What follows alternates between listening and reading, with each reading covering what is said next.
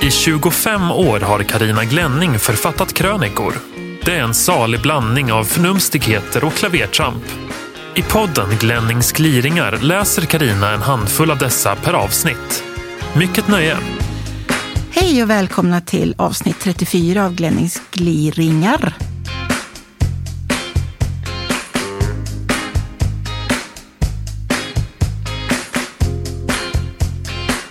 Perspektiv är inget dumt ord.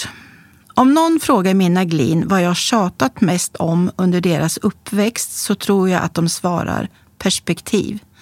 Så här har det låtit. Vad menas med perspektiv? Det betyder att du lär dig se på saker på ett annat sätt. Att ha perspektiv är att få sina vyer vidgade, ha något att jämföra med när det gäller hur du mår eller vad du upplevt. Det handlar om att inte bara se allt omkring dig med dig själv i centrum, utifrån dig själv. Och vad är meningen med det? Genom att ha perspektiv kan du skapa distans till dina egna problem. Hur då distans? Distans är att komma bort en bit från det egna. Det är bra. Dels för att dina egna problem hamnar i nytt ljus och kanske inte alls är så stora som du inbillar dig. Dels av respekt för dem som verkligen har stora problem. Det blir ju rätt osmakligt om du högljutt går och klagar över en finne på hakan när det finns barn i din ålder som har cancer, till exempel. Eller att du klagar över att du inte har någon iPad när det finns barn som inte har råd att följa med på skolresan. I längden tror jag att perspektiv och distans gör oss till mer sympatiska och mindre egotrippade människor. Vad är egotrippad? Det är när man saknar perspektiv och alltid bara utgår ifrån sig själv, har skygglappar och inte förmår känna empati med andra människor. Vad är empati? Förmågan att förstå och känna med andra, det vill säga medmänsklighet. Inte bara barn behöver träna perspektiv. Jag är bekymrad över alla larmrapporter som sköljer över oss och som handlar om vårt dåliga mående. Unga flickor mår allt sämre, allt fler psykiskt utbrända. Aldrig har vi mitt mått så dåligt. Ju högre materiellt välstånd, desto sämre psykisk hälsa, skulle man kunna tro. Men vad vet vi egentligen om det? En fattig lantbrukarfamilj i det gamla bondesamhället kan ju inte ha haft det mindre psykiskt påfrestande när man visste att årets missväxt var detsamma som att ett par av barnen sannolikt skulle dö. Och att allt fler sjukskriv för psykisk ohälsa är ju inte detsamma som att allt fler mår psykiskt dåligt det här förhärligandet av det egna lidandet och det rent masochistiska omvända förhärligandet av den egna tiden. Inga har haft det så jävligt som vi just nu. Det tror jag är farligt. I värsta fall är larmrapporterna med sin historielöshet och brist på perspektiv kontraproduktiva och ökar bara känslan av uppgivenhet de blir till självuppfyllande profetier. Det är klart att människor emellanåt mådde riktigt dåligt även förr, men det fanns inte dokumenterat på samma sätt. De blev under sin skolgång inte dränkta i välmenande enkäter med frågor av typen Är du någon gång ledsen? Har du ibland ont i huvudet? Som sen resulterar i nya svarta rubriker. Allt fler mår allt sämre. När det i själva verket hör livet till att både vara ledsen och ha huvudvärk emellanåt. Häst i precis allting. Nej, gott folk. Läget har inte klarnat sedan förra veckan. Tvärtom, konstigheterna bara tilltar. Det är inte längre frågan om i vilka rätter häst ingår, utan om i vilka det inte gör det. Efter att Ikea i måndags drog in sina hästköttbullar, vad skådar jag i min egen brödburk om inte havrekusar? Jag måste vara dummare än tåget. Hur har vi det med semlor? Är det lite nermald polle även där? Och Berlusconi, denne viril miljardärshingst som alltid lyckas ta innerspår och vinna trots häpnadsväckande snedsprång under sitt livslopp. Är inte han också i själva verket en häst? Jag tycker hela namnet klingar travkuse faktiskt. Lopp fyra, häst fem. Silvio Berlusconi tar täten. LCHF tjatas det om. Nu inser man vad det står för. Low Carb Horse Full. Men tillvaron är inte bara full av häst i precis allting nu. Läs närmsta blaska och du hittar mängder av märkligheter. Arbetsgivarna låter meddela att vi är intressanta som arbetskraft även efter 65. Ja, ända till 69 kan jag få jobba, men tack och tack. Jag är avundsjuk på min mamma född 39 som kunde sluta jobba när hon var 59 utan att ha haft en astronomisk lön. Visserligen med en pensionsförsäkring, men ändå.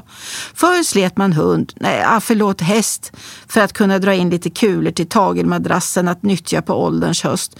Nu tvingas vi jobba till 70-strecket för att, ja vadå, kunna täcka den egna begravningsnotan. Ding! Verkligheten överträffar dikten, eller åtminstone science fiction-filmerna när man läser veckans rubriker. Köttätande mördarbakterier drabbar allt fler. Inte sedan mätningarna började har så många blivit svårt sjuka av detta streptokockgissel. Nu inställer sig frågan, hinner jag hovsamt stapplande bakom min rollator ta mig till arbetsplatsen och jobba ihop till den där begravningen eller blir jag uppäten på vägen? Ding!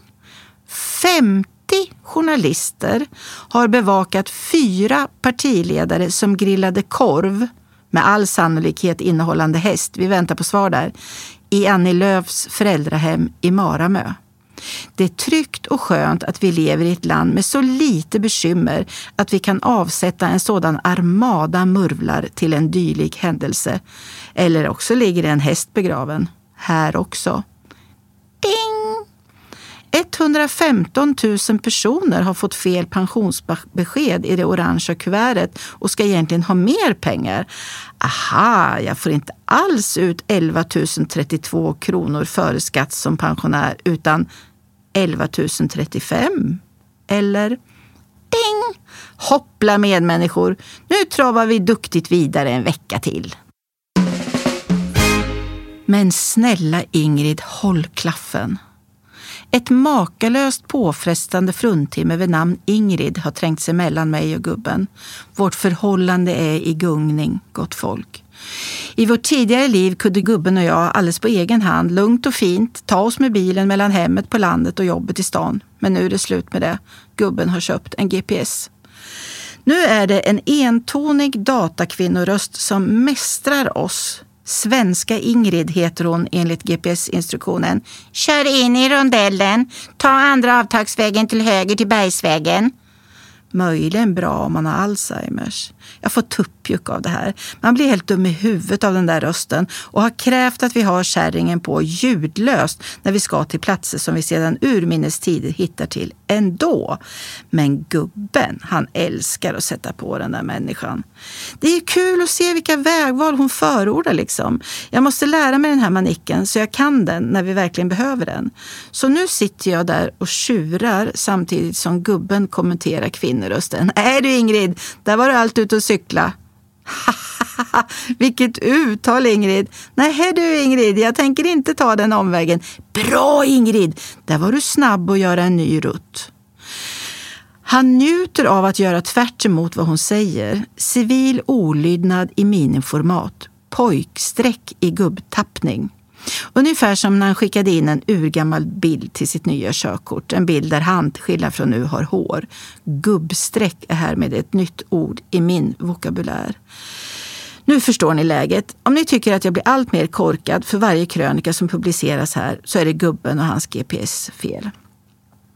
Bortsett från tjatkärringen är det dock spännande och ibland rent av rafflande att åka bil med min gubbe. I början av vår bekantskap trodde jag att han var allmänt ouppmärksam när jag plötsligt fann mig själv åkandes halvvägs ner i diket. Vad gör du? Se dig för! Va? Men vi är halvvägs ner i diket. Ja, det är meningen. Jag gör bara min plikt, tar mitt ansvar. Va? Ja, med att jämna till vägen alltså. Om alla kör i samma hjulspår blir det rännor i asfalten. Det är ökad risk för vattenplaning och sånt. Det här är viktiga grejer. Värst är det med små smala grusvägar som hem till mamma. När vägen har hyvlats och försett med nytt grus, det är då min gubbe tar sitt ansvar på största allvar och transformeras till en självutnämnd vägens riddare. Och om han inte ska köra där alla normala människor kör så innebär det att han med dödsförakt måste låta ena hjulparet vara just halvvägs ner i diket, det vill säga det hjulpar vilka jag sitter ovanför. Jag undrar hur en trafikpolis reagerar den dagen vi ligger i diket. Gubben har fått göra alkotest och på frågan om vad som hände svarar han bara “men jag skulle bara jämna till vägen”.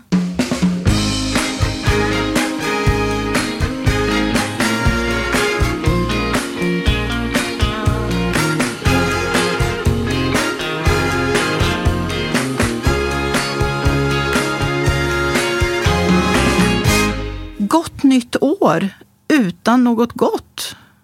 Gubben och jag försöker lägga av med socker. Det är inte lätt kan jag säga. Låt oss skippa snacket om modedieter och några kilos övervikt. Det här handlar om liv och död och det är inget att fnysa åt. Problemet med ett förhöjt blodsocker är att det är en av riskfaktorerna för att drabbas av metabolt syndrom. Den västerländska sjukan som det kallas. Och som ökar risken för hjärt och kärlsjukdom. Diabetes, cancer, svamp, magbesvär och eventuellt också depression triggas av socker enligt en Harvard-rapport. Allt fler läkare och forskare konverterar och är inne på linjen att det är socker snarare än fett som är boven till mycket ont. Det krångliga är att även stärkelserikt livsmedel som mjöl består av en hel radda glukosmolekyler som omvandlas till rent socker i kroppen. Så där rök pastan och brödet. Men, nej men vänta, bröd har ju människor ätit i evinnerliga tider. Nej, inte av den motståndskraftiga glutenspäckade fluffiga vetevariant som odlas idag. Och definitivt inte som idag tillsammans med mängder av annat raffinerat socker. Socker i snart sagt vartenda livsmedel som i smörgåsskinka, barnmat, müsli, ketchup, senap, nyckelhålsmärkt yoghurt, tomatpuré, färdigmat. Tänk om 30 års kostrekommendationer bygger på ett gigantiskt feltänk. Att vi i decennier fått kostråd som i själva verket gjort många av oss sjuka. Tanken svindlar. Debatten borde inte handla om dieter för att bli smal. Debatten borde handla om att diabetes 2, den som inte är medfödd, har blivit en folksjukdom som ökar lavinartat i västvärlden, men även i Asien. Det gick bra för Asien att äta sitt stärkelserika ris ända tills de lade till västerländsk läsk och skräpmat. Då slog de i sockertaket. Våra hundar och katter har också börjat få diabetes. De är inte konstruerade för att äta det spannmål som djurmaten är uppblandad med. Att diabetes leder till förkortad livslängd och många följdsjukdomar vet vi. Liksom att diabetiker är överrepresenterade när det gäller hjärt-kärlsjukdom och demens. Namnet sockersjuka var bättre och sa vad det handlar om. Sockerlobbyn är dock lika stark och mäktig som läkemedelsindustrin. Coca-Cola utbildar nu egna dietister. Att vi skulle sluta med socker och mediciner för att sockret gjort oss sjuka, det vore förstås förödande. Det är inte sötsuget i sig som är problemet, det blir man kvitt efter någon vecka, utan att hitta mat utan socker. Man behöver vara en förstoringsglasförsedd detektiv med en ocean av tid i mataffären. När det smakbärande fettet tas bort blir maten smaklös och ersätts med smakämnen, socker och spannmål. Det är en vinstmaskin för livsmedelsjättarna eftersom socker och smakämnen är billiga att framställa. Ett utmärkt utfyllnadsmaterial om man struntar i följderna. Om man har vänner som blivit friska eller mindre sjuka när de dragit ned på socker, som kunnat sluta med sin blodtrycksmedicin, sluta eller kraftigt dra ned på sina insulinmedicin och minska epilepsimedicinen, då fnyser man inte längre. Upp till kamp mot skvättandet. Det finns en fråga som sällan diskuteras, den om att sitta eller stå. Men jag ryggar inte för detta marginaliserande, stinkande ämne om jag så ska bli utbuad och nedpinkad. Då så. Det är dags att göra det privata rummet, toaletten, till ett offentligt rum så att vi äntligen kan lyfta en viktig samhällsdebatt. Dessutom är ju toaletten ett offentligt rum på många platser i den mening att väldigt många nyttjar det. Det är en styggelse med män som står upp och pinkar. Japp, då var det sagt. Alla som beträtt både en offentlig dam och en offentlig herrtoalett vet vad jag pratar om. Det stinker på herrarnas. Även på sådana toaletter där det inte finns pissoar så stinker det.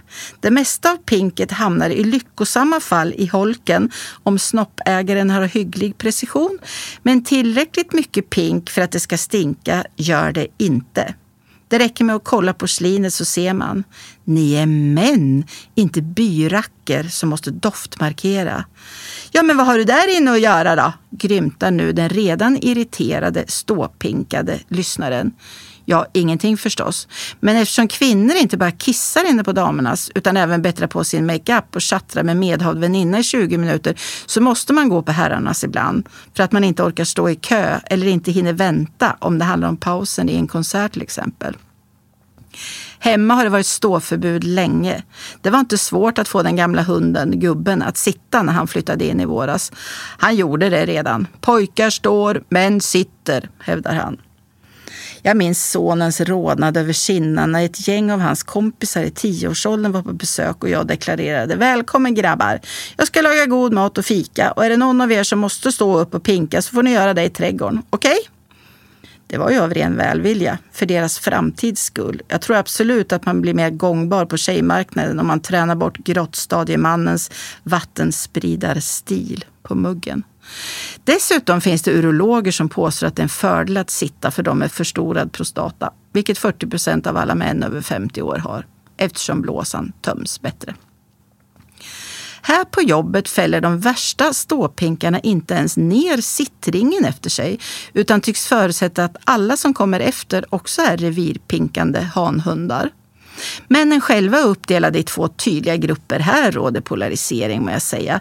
Medan vissa tycker det är fullständigt självklart att sitta av bekvämlighet om inte annat, reagerar andra som om hela manligheten är i gungning om de inte tillåts skvätta urin på porslin och golv. Nästan paritet med en kastration.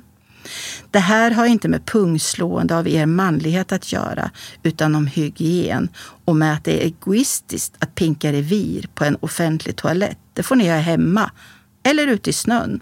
Så vad gör vi kvinnor om ståpinkarna fortsätter att obstruera på de gemensamma toaletterna? Ställer oss upp förstås.